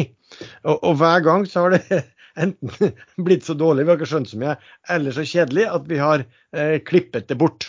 Eh, men nå har vi jo en som i hvert fall, om ikke du er ekspert, Bjørn, så, så kan du en del om Om du kunne forklart hva, hva er taksonomien? Hva, hva, hva, er det, og hva, det, vil det bety både for eh, selskapene, de grønne selskap, og for oss som investorer? Ja, jeg kan jo prøve meg. Vi hadde jo en slide om det på kvartalspresentasjonen. Um, og der, sånn som jeg har skjønt det, så er det jo EU eh, som nå innfører et uh, system, sånn at en kan uh, bli litt enig på, på, tvers av sektorer og aktører om hva som faktisk er en bærekraftig aktivitet, eller economic activity, som, som de kaller det i, i, EU. For det, det Fram til nå så er det bare fantasien som har satt grenser for hvor grønn en kan fremstille seg sjøl. Eh, og eh, selv om han ikke har vært det. Men nå har jo Evy definert eh, at det er seks forskjellige kategorier. Det er mitigering eller begrensning av klimaforandringer, tilpasning av klimaforandringer, bærekraftig bruk av vann og marine ressurser, sirkulær økonomi, forhindring, kontroll av utslipp og beskyttelse av sunne økosystem. Jeg vet ikke om det er en god oversettelse fra, fra engelsk, men det er iallfall det de har satt opp der. Så da, for at en aktivitet, da, eh, eller eh, en, ja, en aktivitet skal kunne defineres som og inkluderes i taksonomien, så må man bidra til minst ett av de målene, og heller ikke gjøre signifikant skade på de øvrige. Og det er jo liksom, Da åpner vi jo virkelig opp et vepsebol og Pandoras eske. For, for, da blir det jo et bikkjeslagsmål om, om, hva som kan defineres som det ene eller det andre. Eh, og der eh, har, jo, eh, har han jo fortsatt ikke helt konkludert, eh, så vidt jeg har skjønt, på, på, naturgass og kjernekraft. Det er en av de største stridspunktene. Det spøkte jo òg for vannkraft eh, en stund, men jeg tror en, en, kom til enighet om at det var eh, bærekraftig. Så, så, det er jo da en slags tabell da, kan du si, av de tingene som, som selskaper gjør, som da kan defineres som Eh, taksonomiverdig eller ei. Og da kan du faktisk få en, en score da, på porteføljen som du har, basert på det som eh, selskapene har lovt da, til å rapportere. Som da gjør at den E1 i ESG-en blir mer troverdig, og, og, ikke noe som bare selskaper kan reklamere seg eller rapportere seg ut av. Mm. Så grønnmalingen som man har sett fra en del aktører, den, den vil det på mange måter ta slutt på? Den, den, vil det, i hvert fall hvis du da spør om ja, eh, flott presentasjon, hva, hva eh, taksonomiscore eh, har dere? Eh, da, da, skal det jo stå litt skolerett på, på, på, det. Så, så, det vil jo være et ekstra verktøy å være med da, og, og drive investeringer, sannsynligvis, eh, inn på eh, det som er grønt, og det som er ordentlig grønt. Sånn at den, de, de, som fortjener de investeringene og pengene, de, de, de får det òg. Så, så det kan de... å endre navn på firmaet fra noe med tobakko til Green Tobacco. Ja, eller fra Tankers til Pure, f.eks. Men da, da, blir det slik at da kan altså investorene selv sitte og plukke selskap hvis man er interessert i det, og man kan også sitte og plukke bl.a. fond eh, for å få en sånn totalscore på det. Og, og, du kan kanskje også få fond da, som sier at vi skal eh, ikke ha en eh, score som ligger eh, høyere enn så og så mye. Eh, altså ligge innenfor grenser da, eh, på, på, på, hvor stor ESG-en eh, altså hvor, ja, hvor, store, hvor, store, investeringer de har mot ESG-vennlige selskap. Er det liksom det som kommer til å skje? Ja, det, det, er jo det som er, det det som er håpet. da. Men, men det er klart foreløpig har man bare blitt enige om de to første som, som, er mest fluffy, altså mitigering av klimaforandringer og tilpasning for klimaforandringer. Det skal bli interessant å følge den prosessen videre, litt fra sidelinja. Jeg kommer ikke til å grave meg dypt ned i det, men det er jo, det er jo interessant og, og, veldig positivt for vårt investeringsunivers at dette nå kommer opp. Mm. Men Som investor så ser man jo at uh, store fond allerede har begynt å tilpasse seg ganske godt. Det, mm det er veldig vanskelig for uh, de som ikke begynner å ordentlig grønnvaske seg, å få investorer inn akkurat nå. Ja. Så Harvard-fondet, som er et sånn veldig stort investeringsfond, de hadde vel nå besluttet null fossil, hvis jeg så en headline riktig i dag. Så, så der har vi det. OK, um, skal vi gå over og ta en del spørsmål. Et spørsmål her. Hva synes du sånn generelt om prisingen av kan vi kalle dem E-selskapene, da? E altså miljø, de miljøvennlige selskapene som er på Oslo Børs? Den har jo vært uh, helt hinsides. og det er klart Fjoråret var jo helt vilt. Uh, og det, det, er klart, Når penger er gratis og, og blir kasta mot alt grønt som beveger seg, så, så, blir det jo feststemning. Og det er klart, Der, der har vi jo opplevd at uh, selskaper som jeg ble kjent med for mange mange år tilbake, og, og fikk sett en pitch av de da, som, som ikke fikk noe penger. De har jo liksom dukka opp igjen nå på ny, omtrent nesten sånn som zombier som kom inn, ramler inn fra høyre og venstre. Som har, har hatt eh, vårt fulle hyre med, å, med å, å være høflige og, og, takke for presentasjoner eh, for mange. Og de som har kommet seg på børsen, det er jo ganske mange nå, de har jo fått en, en voldsom prising. Eh, veldig mye basert på selskaper som har kommet før de. Og det er jo kanskje en grunn til at de selskapene som kom for, før de, fikk en bedre prising. Eh, så, sånn at Der har han jo nå sett, selv om det fundamentale for fornybar og for hydrogen aldri har vært bedre, så har han jo fått et ordentlig skrell da, i løpet av, løpet av våren. Det har vi jo fulgt òg i våre kvartalspresentasjoner. Hvor vi har sett at det fornybar har, har korrigert, og, og, hydrogen har eh, krasja i løpet av eh, våren. Og nå er det jo liksom litt ruglete terreng eh, fortsatt. Og så er det jo selvfølgelig store spørsmålet kommer dette til å fortsette, eller er det opp eller er det videre ned. Så, så, så det, det, er jo det alle, eh, inkludert oss òg, prøver, prøver, å finne ut av. Men, men da, da, er det best å investere i det en virkelig har trua på. Og det er jo det vi har gjort. Vi har vært veldig forsiktige med pengene våre. Eh, og, og, det er klart, vi investerer jo ikke for å investere. Eh, vi investerer jo for å for å få avkastning på investeringene, og selvfølgelig at det er de selskapene som virkelig kan bidra til, til, til bedre miljø, de får de pengene de trenger. Du vil merke den dagen du har gjort et eller annet som sjefen din Spetalen er misfornøyd med. Da våkner du opp til sauer som går rundt og beiter i hagen. jeg har latt henne kjenne over noen år, så, så det, det er mye, det er mye fatt og spenning og mye moro eh, å sitte her. Det er det ikke tvil om. Aktørene da, som banker på døren til dere, er de, er de like kravstore ref prisingen på børs, eller har de blitt i det siste atskillig mer edruelige? Der, eh, der, har han jo blitt mer edruelig. En har jo sett det. Vi har jo fått case som, som da har eh, eh, hatt noen forsøk, og det er klart prisen går jo ned for hvert forsøk. Eh, og kanskje kommer det ned på et nivå som, som er interessant. Eh, kanskje ikke. Eh, og, og, det er, det er jo ikke noe som er unikt for 2021 at, at selskapet prøver å komme ut for høy pris. Altså det var jo sånn når vi kjøpte Proton i Nell, første gang vi besøkte de, så skulle jo eieren ha 100 dollar for selskapet. to år, tre år senere masse utvikling og, og bedre posisjon, så fikk vi det for 70. Så det er klart, Noen ganger så eh, er, det, er, det, lurt å, å, ha litt eh, is i magen. Eh, en kan selvfølgelig mist, miste noen, noen dealer, men, men, av og til så kan en virkelig få de ordentlig gode òg, hvis, hvis, en har litt, litt tålmodighet. Hvis vi bare tar Nell ganske kort, ikke noe langt om det. Det er din tidligere arbeidsplass. Eh, mange kommenterer prisingen og sier at dette er ren industriproduksjon, og da er marginene vil i hvert fall bli lave over tid. Veldig lave. Det er ikke noe ekstrem high-tech som andre ikke kan kopiere. Eh, og da vil, er det penger å tjene, så kommer det konkurrenter kjapt inn på markedet. Hva er din mening om det?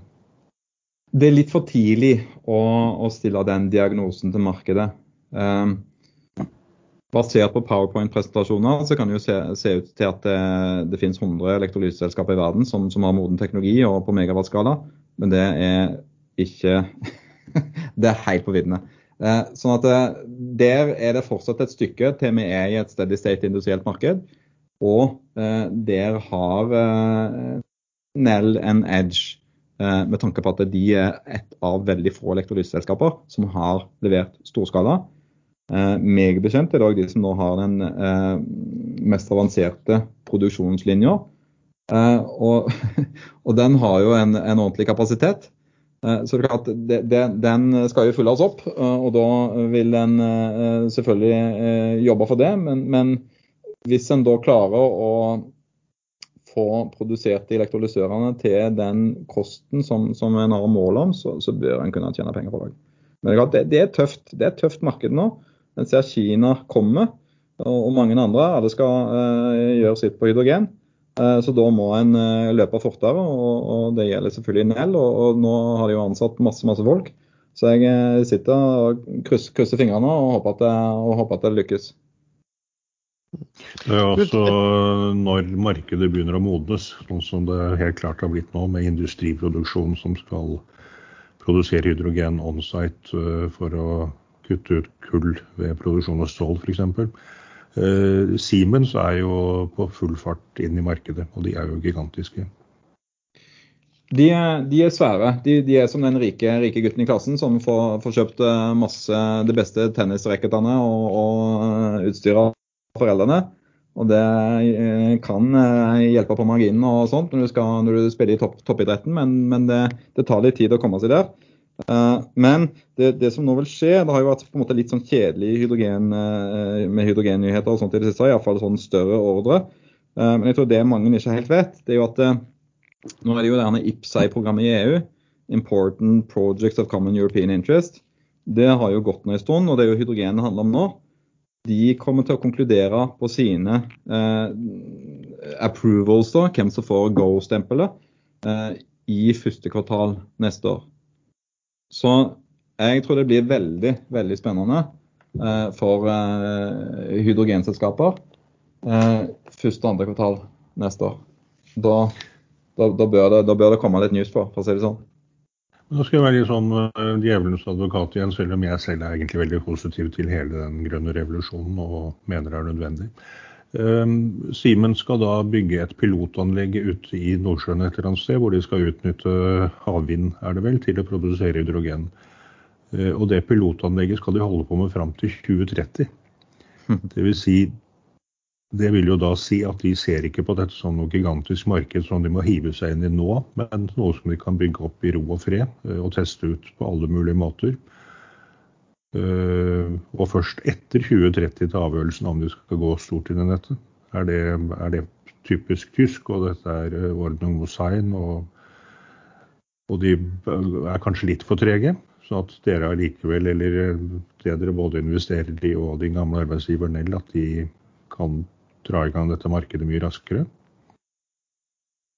Nei, at, de, at du har et sånn 20-30-perspektiv på ting, det, det, er jo ikke noe overraskende. Det er jo, det er jo sånn det vil være òg. Altså, det er ikke en bryter av dette her som du skrur på, og så er hele verden på hydrogen. Eh, men eh, det viktige der er at du trenger ikke 150 gigaanlegg for at det skal eh, spille en viktig rolle for hydrogenselskapene der ute, iallfall ikke de beste, som, som, da får levert. Eh, du trenger noen sånne prosjekter. Og det er jo nå, nå er det vel ca. 100 prosjekter eh, som nå har kvalifisert seg eh, til denne IPSEI-støtten. Um, og, og, det vil jo være veldig kjærkomment for de som er flinke nok til å, å, få den, og vil være en sånn viktig eh, viktige steg på veien mot et fullkommersielt marked. Det kommer til å ta tid, men eh, det, det, det, blir mye, mye, eh, mye som skjer på, på, veien dit. Og så er jo spørsmålet da hvor en posisjonerer seg. Ønsker en å være litt eh, spekulativ på nåværende tidspunkt? Kommer det en ny nedtur? Eh, hvordan, hvordan, vil dette utvikle seg? Og det er klart det er jo der en da som investor i hvert fall, må, må følge nøye med på, på, de tingene som skjer. Eh, og passe på å ta profitten en gang. Alle disse, Det er vel nesten en trilliard euro som EU skal bruke på føndehydrogen i årene framover. Er det penger som man nå søker om, og så skal det behandles, og så kommer det tildelinger etter hvert, eller har det allerede kommet tildelinger?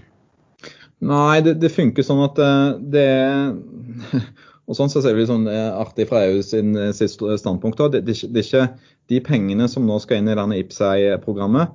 Det, det, er ikke EU-penger som sådan, det er nasjonale penger. Så de, de tillater da at nasjonale nasjonale støtteinstitusjoner, sånn som Enova, kan gå ut over det som er vanlig støttegrad. Så at i praksis da, så kan Enova støtte et hydrogenprosjekt med 100% av prosjektkostnadene.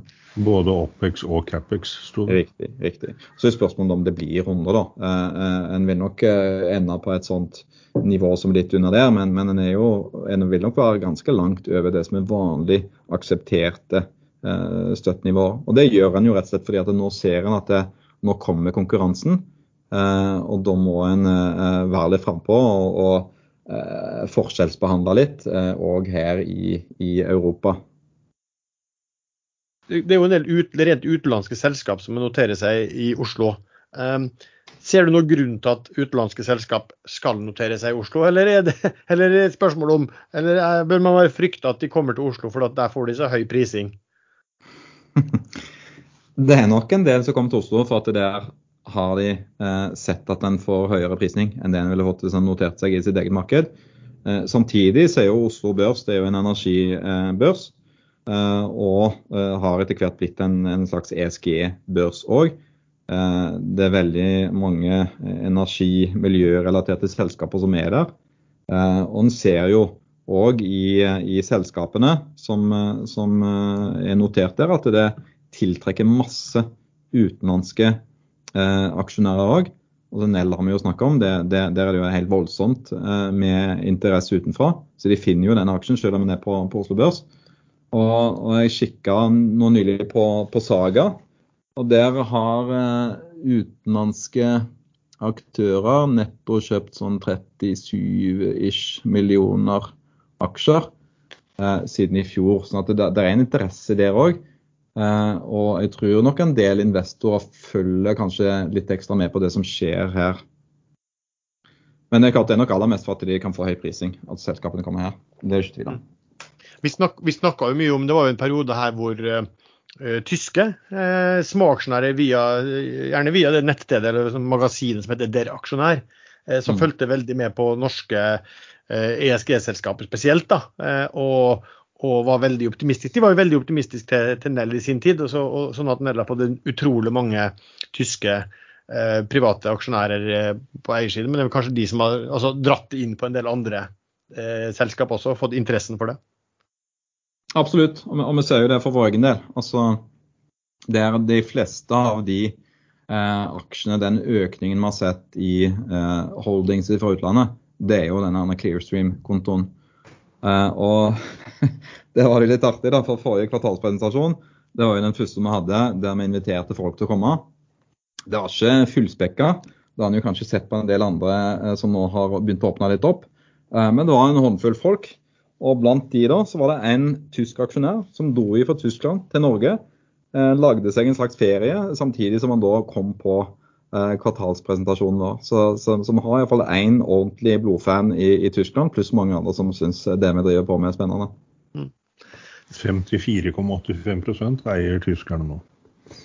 Av Nell. Av Nell. Mm. Men ikke noe saga. Men jeg har ikke lagt merke til jo, de, de, har litt de som har kjøpt mest. Og det stemmer det, de er på fjerdeplass. Du finner Clearstream på Ja, de ligger på første, andre, tredje, fjerdeplass. Ja. Har, har dere vært omtalt noen ting i, i, av disse folkene i Dere Aksjonær, eller? Det har nok vært mer på sosiale medier eh, så langt. Eh, så, så, vi har nok ikke sett den, liksom, den ordentlige effekten eh, der ennå. Men det er, klart, det, er jo, det er, jo, ikke helt tilfeldig at vi plutselig har 18 millioner ekstra aksjer på Clearstream-kontoen. Ja. Du, her kom faktisk ja, en god del som har spurt om dette her. Altså, det, det, er et unotert eh, investeringsselskap som heter Greenstat. Mm -hmm. uh, som dere tydeligvis har valgt å investere i de. Og da er spørsmålet hvorfor har dere, hvorfor gjør et Hvorfor investerer et investeringsselskap på børs mhm. i et investeringsselskap i unoterte markedet? Veldig godt spørsmål. Eh, vi kjenner, vi kjenner godt eh, de som eh, sitter i ledelsen i Greenstat. Jeg har jobba sammen med de tidligere og syns de, de, er flinke. Og vi har jo tett kontakt med mange investeringsmiljøer i Saga. Så det er ikke sånn at vi sitter helt alene og, og, og prøver å, gjøre alle investeringer og, og vurderinger sjøl. Der hender det at vi vurderer case sammen med andre investeringsmiljøer. Og Det kan jo være fond og, og, og andre typer eh, konstellasjoner. Um, og der er jo Greenstat òg en av flere som, eh, som eh, har øynene åpne for muligheter der ute. Og, så, så, det er greit å ha kontakt med, med de aktørene. Og da tenkte vi at ja, la oss ta en liten, la oss ha en liten post der i tillegg. Jeg sjekket, jeg gikk gjennom selskapene som står i presentasjonen, og så vidt jeg kunne se var det bare kun Prime som ligger nå litt lavere enn dere investerte. 10 lavere enn investeringssummen, er det korrekt? Ja, av de, sant, de noterte, så, så, er det, så, er det, Prime. Eh, så de andre ligger, ligger fortsatt eh, i, i pluss, ja. Hva gjør dere i et tilfelle hvor en investering rett og slett blir feilslått? Prime er det jo nesten ikke omsetning. Går dere da ned med skipet, eller eh, blir dere øh, selger dere rett og slett for å ta tapet? Ja, om en uh, kjøper og selger, uh, det er jo en Vi følger jo disse investeringene våre kontinuerlig. Både om det går den ene eller andre veien. samtidig så er det jo sånn at ja, noen case kan gå eh, voldsomt enten opp eller ned på kort tid av forskjellige årsaker. Mens en del andre, der er det prosesser som i seg uh, gjør at det er, det, det, det er, lengre tid mellom de news, newsflowen. og Prime er jo et sånt type selskap. Her skal de jo bygge en fabrikk. den skal stå klar i løpet av neste år. Så det er klart her, her er det mer eh, newsflow relatert til milepæler som de når på, eh, den, på den veien. Så jeg tror nok det, det, har jo gjort at det, eh, kanskje interessen blant investorene har dalt litt der. Men, men der, der, følger vi med på, på selskapene og progresjonen de gjør opp mot våre egne forventninger.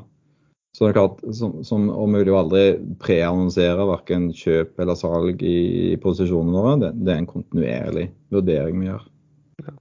Og Der har vel dere en, en Selv er dere jo flinke til det, og så har dere jo da en, eiere som eh, sikkert ikke Som sikkert har en saying, da, hvis, i hvert fall hvis, hvis dere ikke ser at eh, teknologiutviklingen f.eks. går rett vei og, og sånt, så vil jeg tro som, som, gode og harde finansielle aktører at dere får beskjed om hva, hva, hva som må gjøres med sånne poster, da, hvis, hvis, det ikke er noe mer å jobbe med. på en måte. Du, Vi har, vi har la oss kalle det veld, veldig gode diskusjoner om, om investeringer. Både, både, de vi har og, og case som vi vurderer. Så, så det, der, der, eh, det er vel det de sier at enighet bringer oss sammen, uenighet bringer oss videre. Så, som er ganske ofte uenige og sånt òg. For har diskutert litt og fått opp alt eh, som er av fakta og, og, og sånt eh, i vurderingene av case, og selvfølgelig underveis òg. Vi er veldig tett på investeringene nå. Det er viktig å forvalte investeringene på best mulig måte, for så å, å se hva, hva, vi kan, hva potensialet vi kan få av, av det vi har investert i. Så lenge det går riktig vei, så kan du godt velge å sitte i både 5 og 10 og 20 år, eller? Eh? Du, det, det, det, blir jo en, en vurdering fra, fra, selskap til selskap. Vi har ikke noe sånn satt tidspunkt at vi skal eh, sitte så og så lenge eller så og så kort. det, det, når vi syns at vi har eh, fått nok, enten i, enten i positiv eller negativ retning, så, så agerer vi deretter. Så det er jo en, en fin frihet å ha òg for oss. Ja, det er dermed liksom forskjellig fra, fra, et fond. Sant? For et fond der man jo kjøper og selger aksjer når de som putter penger på fondet eller skal ha pengene sine tilbake igjen, eh, gjør det. Mens for vår del så velger jo vi når vi skal eh, investere eller selge, ikke, ikke våre aksjonærer med de pluss og minus der. selvfølgelig. Du, var forskjellen på, forskjellen på Saga Pure og Archer Horizons et spørsmål? Du, nå kjenner jeg Aker Horizons veldig bra. Sist jeg ble spurt om det, så sa jeg at det omtrent det samme, bare at Saga er bedre.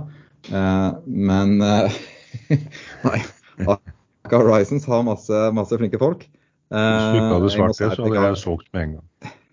Jeg har, jeg har fokusert mer på, på, det vi skal gjøre, bygge opp, bygge opp organisasjonen, enn, en det jeg har uh, fulgt med på, på Aker Horizons. Men, men jeg vet at uh, Aker-systemet er flinke folk, og, og de har ansatt noen, noen, noen bra folk òg. Så er jeg sikker på at de kan få til mye. Men akkurat den eh, forskjellen på det, det er jeg litt usikker på. Jeg lurer på om vi sannsynligvis tillater oss selv å gå inn tidligere eh, i, i, et selskaps eh, sin utvikling eh, enn en det de gjør. Men, men det, det, må de nesten få ja, Jeg burde egentlig hatt et møte med dem for å diskutere litt eh, hvordan ting er. I går så betalte dere ut utbytte, det var det første utbytte, kanskje på ti øre per aksje. Eh, og da er spørsmålet hva er strategien rundt utbytte i Sagapure, og hva kan man forvente seg rundt det fremover? Der er det jo sånn at man har ikke noen utbyttestrategi. Um, utbyttet ble bestemt på bakgrunn av de gode resultatene vi har hatt på investeringsfronten uh, det siste halvåret. Altså første halvår i 2021, som da tar med Everfuel i tillegg. da. Så det syns vi var såpass bra at vi, vi valgte å, å, eh, betale 10 øre i utbytte per aksje. Eh, og når neste utbytte kommer, det, det, er helt umulig å si. Og det vil jo da være basert på resultatene vi eh, får til, og på våre planer eh, for øvrig.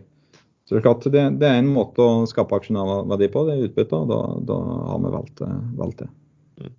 Spørsmål også om rente, høyere renter, mulige høyere, eller det kommer jo en tid med høyere renter.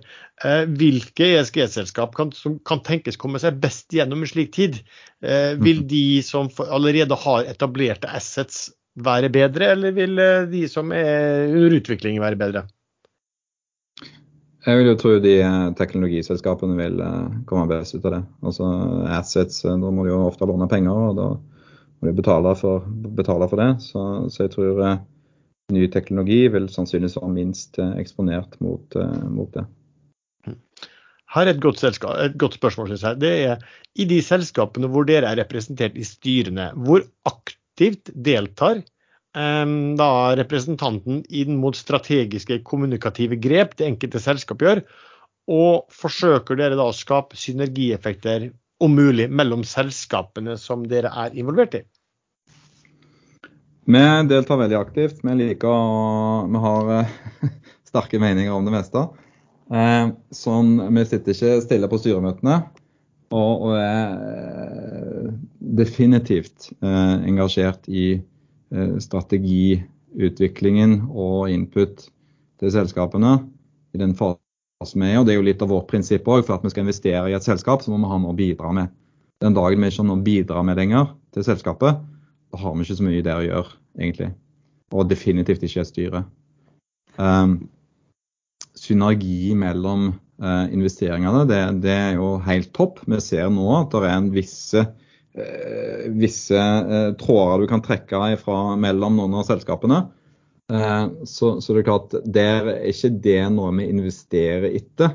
Vi ser etter god case, og har de synergieffekter, så, så er jo det helt topp.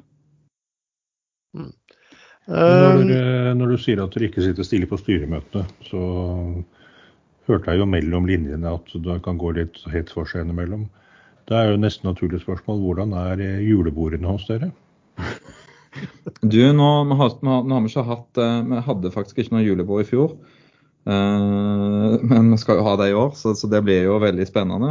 så dere får heller rapportere ifra det etter vi har hatt det. Men eh, jeg tror det blir, tror det blir ganske livlig. Det er, det er, en ganske livlig gjeng jeg har samla her. Altså. Det, det, skal jeg love dere.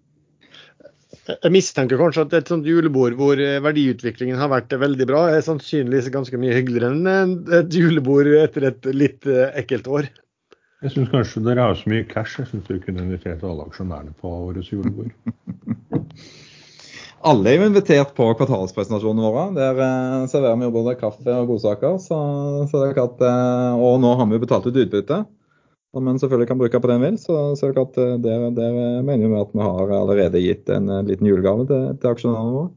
Aksjekursen er jo tre kroner. altså jeg vet jo at Kapital i gamle dager de hadde jo en sånn eh, price eat, tror jeg de kalte det for. altså, hvor, altså Hvis du kjøpte én aksje, hva var verdien av det du kunne spise på, på, ja, på generalforsamlinger eller på, eller på, kvartalsrapporter? Så hvis man får et par smørbrød for tre kroner, da, så er jo det, det er jo verdt det.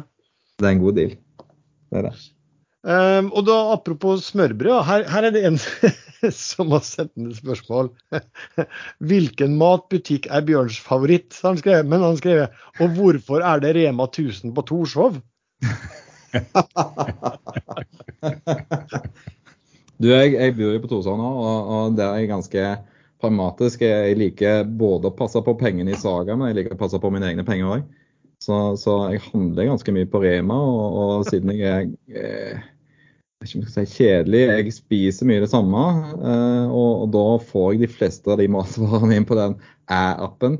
Så da sparer jeg litt ekstra, pluss at det er nær butikk, så da sparer jeg tid. Men det hender jeg stikker innom med Meny òg for, for noe mer eksklusivt. Og selvfølgelig opp på, på Strøm Larsen, som ligger etter oppi gata. Eh, hvis jeg virkelig skal slå på, stå på stortrommet. Så, så, men, men, akkurat hvorfor Rema ligger på, på Torshov, det, det, har jeg ikke noe svar på. Altså. Jeg tenkte da jeg så det spørsmålet at det var sikkert butikkeieren som hadde, hadde sendt inn. Her er en, et annet spørsmål. Det er et spørsmål fra en som veldig gjerne vil være anonym.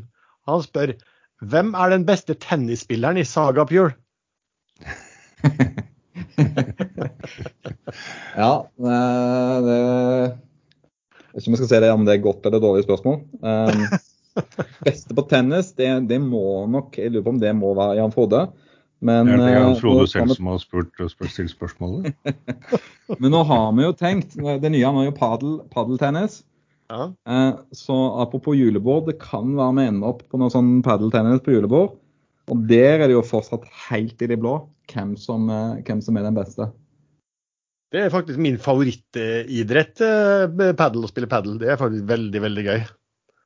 Men, aldri, aldri prøvd det, så, så jeg aner ikke hvordan det blir. Men jeg, men jeg, er litt redd eh, at hvis du treffer noen der som har spilt eh, tennis på det ypperste nivået i en del år, og som er 1,90, så kan, kan, det være at du sliter. Jeg vet ikke hvor god du er i racketsporter, men det kan bli litt tøft.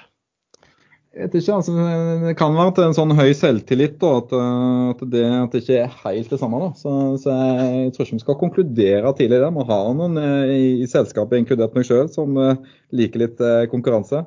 Det er bra. Så, får... så det, spennende blir det iallfall. Ja, Får slå ballene helt ned ved beina på han, vet du.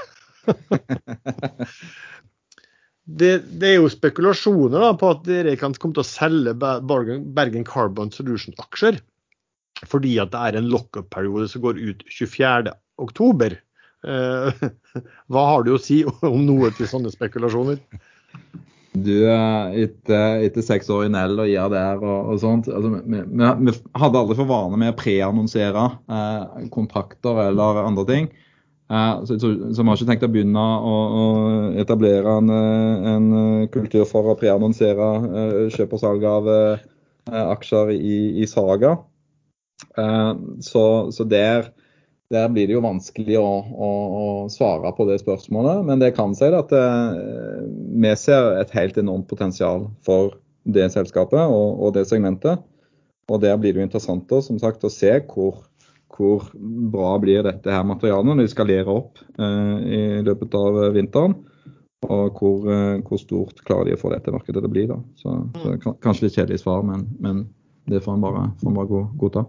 Sånn må det nesten bli um, når, man, når, man, er på børs. Uh, hvilken rolle har Øystein Spetalen i investeringene som gjøres? Er han involvert tidlig, eller er han en slags uh, hva skulle si, som en kredittkomité i bank, da, at han kommer inn når den endelige beslutning skal tas? Han er tett på. Vi har ofte diskusjoner om både sektorer og, og trender i sektorene òg. Og forskjellige investeringsmuligheter. Så Noen ganger så, så, så, jeg, har jeg diskusjoner med han tidlig, og andre ganger så vi, har vi et sånn filter først. Det er jo mye. Vi kom jo 100 case i fjor, og vi investerte i et par av de. Eller i, i så langt i år, mener jeg. Så, så i, eh, i, den prosessen der så, er definitivt Øystein og, og Martin Nes eh, involvert for, for, å vurdere selskapene. Mm. Og så er det spørsmål også om spedalen. Hvordan er det å jobbe med han? Altså Hvis han har en oppfatning, er det mulig å snu på den? det, det, er utrolig inspirerende og, og festlig å, å, sitte her og jobbe med Øystein. Han har eh, sterke meninger og er ikke redd for å si dem. Um, så, så der, der, hender det det blir litt temperatur da, innimellom hvis vi er litt uenige. Ehm, men eh, det som er bra med, med Øystein, og, sikkert med, med meg sjøl og andre her òg, er at vi, er ganske fakta, evidensbasert. Ehm, sånn at hvis vi, hvis vi, har noen diskusjoner, og, hvis vi klarer å, å, trekke inn gode fakta som backup, eh, backup de, de påstandene og teoriene vi har, da, så, så, hjelper jo det som regel til å komme til en, en, en konklusjon da, og en enighet om hvor, hvor, hvor går veien videre og, og sånt. Men det, det Ja. Det, det, er veldig Det er mye liv og røre. Og, og, og, ikke bare med Øystein, men der med resten av teamet òg. Det, det, er utrolig, utrolig, artig å jobbe med, med den gjengen der. Altså. Mm. Um, tror du at det har jo vært en nedgang i, si, i, grønne aksjer eh, i en periode. Tror du den nedgangen sånn generelt sett har flatet ut, eh, eller gjelder det nå bare å plukke de rette selskapene? Det, det, er jo det selvfølgelig alle spør seg, og, og som vi ser på og vurderer òg. Hvis du bare ser på den eh, kurven som er lagd over, over, et utvalg eh, selskaper som vi mener bør være på en sånn kurve, så har jo det flata ut. Det har litt sånn humpete vei framover. Eh, og så er jo spørsmålet da ok, hvordan står det til med økonomien ellers? Vi er på all time high. Uh, børsene rundt i hele verden. Uh, kommer det en korreksjon der, eller noe verre, så er, det ikke, så er det, jo sannsynlig å, å tenke at det vil òg slå inn på fornybarsektoren. fordi at en skal jo huske på at de grønne aksjene er fortsatt ganske mye over indeksen som sådan i løpet av de to siste åra. så det er klart det er helt umulig å si. Eh, og, Derfor er, vi fortsatt eh, konservative med, med investeringene vi, vi gjør. Um, men vi følger godt med på, på, markedet. Vi følger med på hvor de forskjellige selskapene beveger seg. Uh, og uh, vurderer da hva, hva, nivåer som kan være interessante. Så, så vi, vi, er veldig tett på dette her.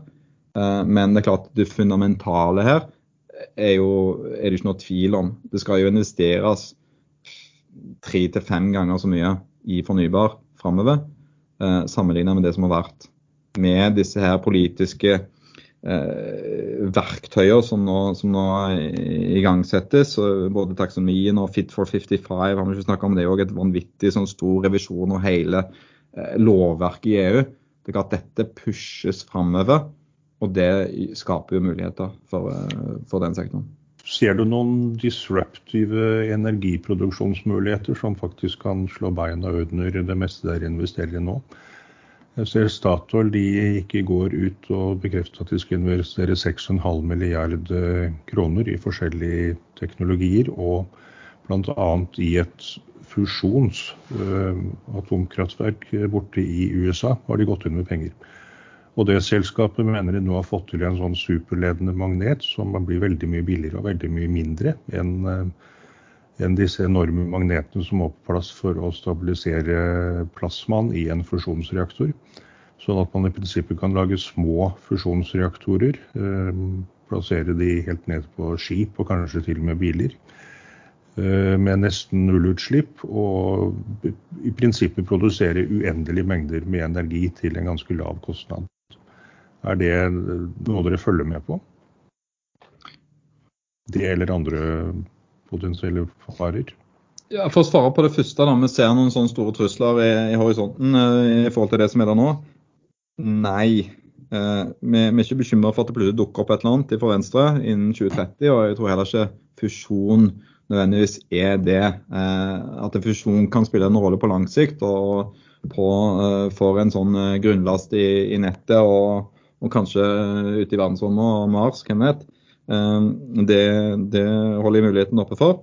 Men sånn småreaktorer og både på, på gatehjørner og i en bil og alt det der, det, det, det tror jeg ikke eh, vil, vil, skje. Og det er klart at det, når solenergi har blitt 90% billigere i løpet av de siste ti åra, vind har blitt 70% billigere, konkurrere ut eh, konvensjonell kraftgenerering, det, det, er tøft altså. Å komme med, med, noen nye teknologier og konkurrere mot det.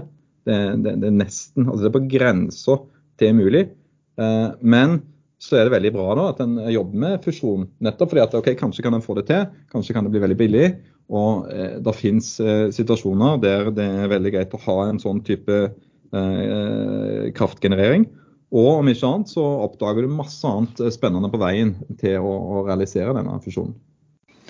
Jeg er, eh, fra å være tilhenger av tungkraftverk som ung, så har jeg nå når jeg er blitt eldre blitt ganske stor motstander av det, også rent økonomiske årsaker. Eh, det tar 14-15 år fra du setter, eh, tegner det første streken på et papir til du har produsert et atomkraftverk som produserer like mye strøm som et havvindanlegg gjør fra, i løpet av tre-fire år etter at du har begynt å tegne det til en lavere pris og ingen eh, avfallsproblematikk. Og, og, heller ikke noen nedbyggingsproblematikk. Det er jo bare å ta fra hverandre.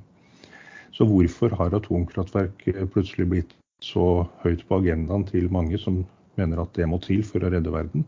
Når det andre går fort, er billigere og egentlig har mye færre problemer. Nei, en kan eh, spekulere eh, mye på det. Men det klart, for en del regioner så, så vil jo det være et viktig tilskudd hvis en skal eh, komme ned på null utslipp. Eh, du spurte meg for to år siden hvor jeg trodde eh, hydrogenutviklingen kom til å være primært, så ville jeg sagt at det er i Australia, Sør-Amerika, andre plasser der du har masse sol og vind, pluss mye tilgjengelig areal som du ikke bruker til noe annet. Det som Da ville skjedd, er at da har du plutselig en industrisentrum som, som flytter seg mot disse, disse regionene. Det, det, som EU nå gjør med IPSEI-programmet og, og støtte industrien her og innføre karbonskatter på import, alt dette her, det er jo for eh, å, å beskytte den europeiske industrien. Og klart Skal en ned på null utslipp, eh, både på den strømmen som produseres eh, til husholdningene i Europa i dag, null utslipp på varmen eh, leveres ut til husholdningene, og null utslipp på industrien. Så det er klart, Da, da, da kan det være du trenger litt mer enn en eh, de vindmøllene og de, den solkraften som da prosjekteres i Europa. Da må du enten ta det inn fra andre regioner eller ha en annen, bedre grunnlast sjøl. Og der kan nok eh, kjernekraft, enten fisjon eller fusjon, da, spille en rolle. Men jeg er helt enig med deg at det, det, det er vanvittig 90 prosjekter. Eh, og komplisert, dyrt. Alt som du egentlig ikke vil ha i et prosjekt, eh, følger med. Men du legger beslag på langt mindre land. Og det, og det tror jeg eh, vil være et av de siste viktige argumentene for den kraften, pluss at du har stabil kraft. selvfølgelig. Har du noen spesielle tanker eller spørsmål om bølgekraft? Eh, bølgekraft har jo eh, kommet og gått eh, opp igjennom. Jeg hadde jo et fag på NTNU husker jeg, der vi, der vi så litt på bølgekraft. Og det ble testa på 70-tallet og, og senere òg. Det meste ble jo bare slått sønder og sammen. Men det er klart, du har jo vanvittig mye mer energi i bølgekraft og havstrøm enn du har i, oppe i lufta. Igjen, eh, det er vanskelig å konkurrere mot sol og vind.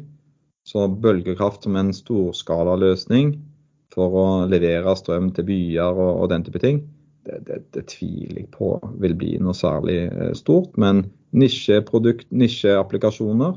Er noe fyrtårn til en lite sånn eh, øy, øy, eller et eller annet sånt, kanskje.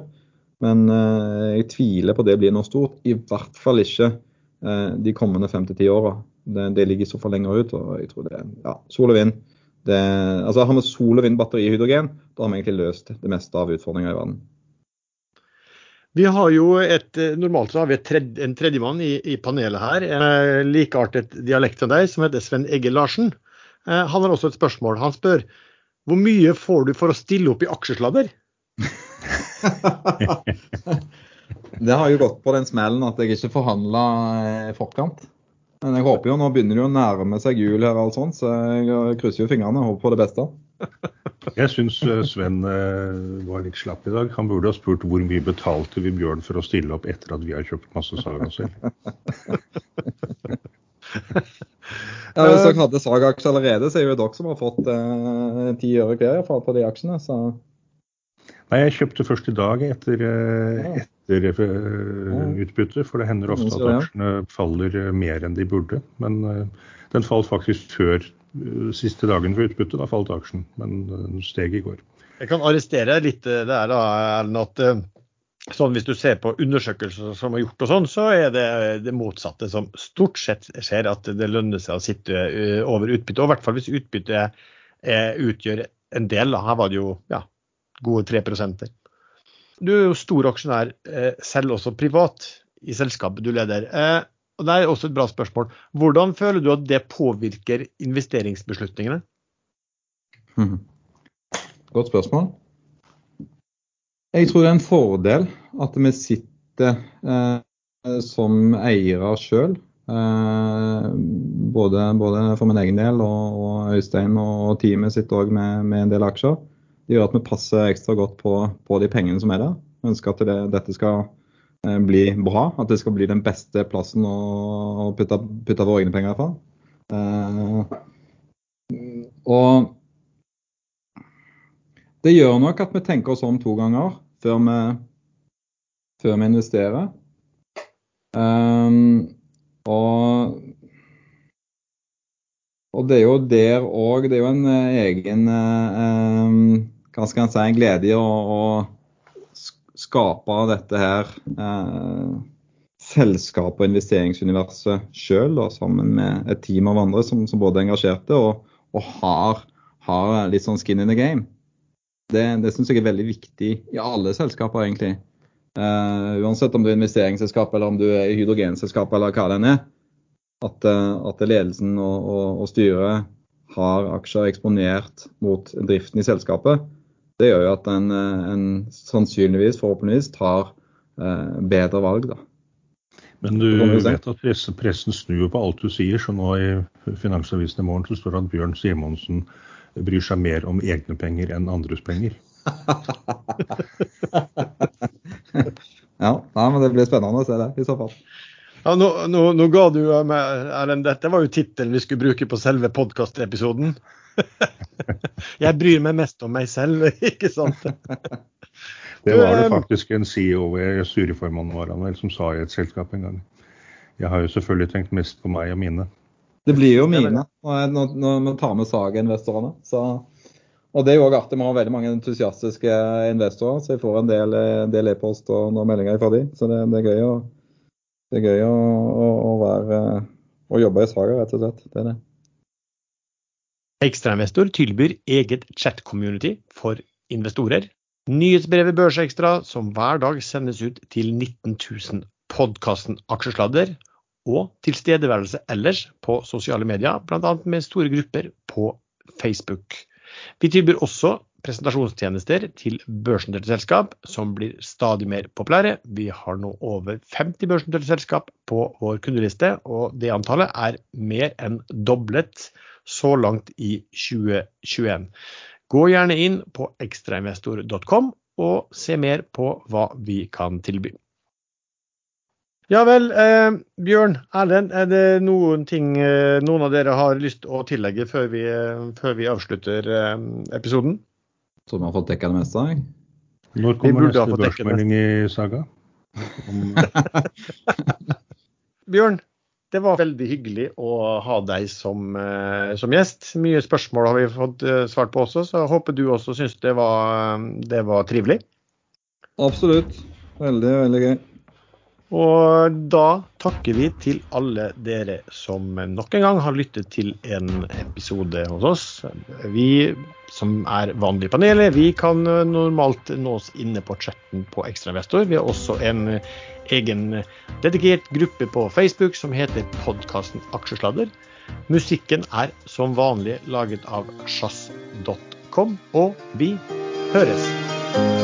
Jeg syns jeg var flink, Lars, som ikke ikke nevnte det jeg foreslo, nevnte at jeg kom til å spørre om. du gjorde ikke det, nei. Slapp jeg bli så svett her. nei, jeg må huske Nå når vi ikke, vi er ikke på lufta nå, håper jeg.